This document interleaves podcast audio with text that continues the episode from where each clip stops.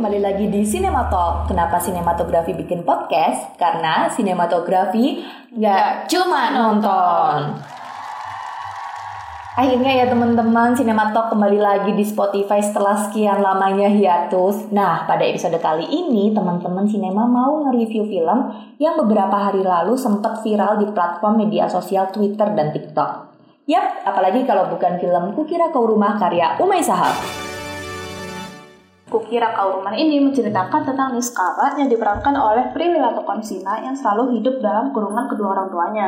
Ia dituntut untuk tidak boleh pulang terlalu malam, harus pergi ke mana pun dengan kedua sahabatnya. Sehingga ia selalu merasa kesepian. Lalu Niskala bertemu dengan Pram yang diperankan oleh Jordi Pranata, seniornya di kampus sekaligus aspiring singer yang rutin menulis lagu. Serupa dengan Niskala, Pram juga merasakan kesepian dalam hidupnya dua individu yang akrab dengan seperti ini akhirnya saling mengisi lewat musik dan kemudian menemukan rumah dalam diri satu sama lain. Nah, bagi teman-teman sinema sendiri, nilai plus dari film Kukira Kau Rumah ini adalah film ini mampu memberikan angin segar di industri perfilman Indonesia karena Umay berani mengangkat isu terkait mental health di sepanjang cerita. Tidak hanya mengangkat isu terkait mental health, Umay mampu mengemas isu yang berat tersebut dalam kisah romansa anak kuliahan berbalut vibes indie melalui lagu-lagu milik Amigdala. Sebagaimana yang kita ketahui, isu tersebut cukup asing di telinga masyarakat Indonesia. Lalu kelebihan lainnya dari film Kau Rumah ini adalah akting dari Prilly Latukonsina sebagai Niskala yang patut banget diacungin jempol. Sepanjang cerita, Prilly mampu mendeliver ekspresi serta emosi Niskala sepanjang film dengan apik, sehingga penonton mampu larut ke dalam cerita serta berbagi perasaan dengan Niskala. Tapi sayang banget nih, film ini masih memiliki banyak celah.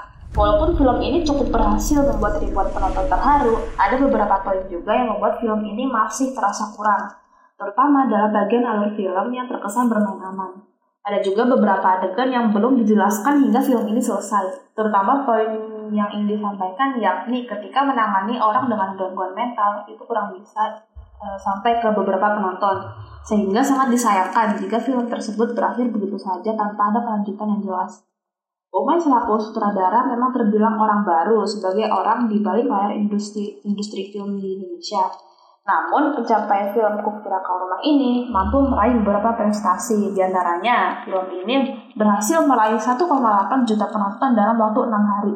Selain itu, film ini juga mendapatkan penghargaan dari Festival Film Indonesia.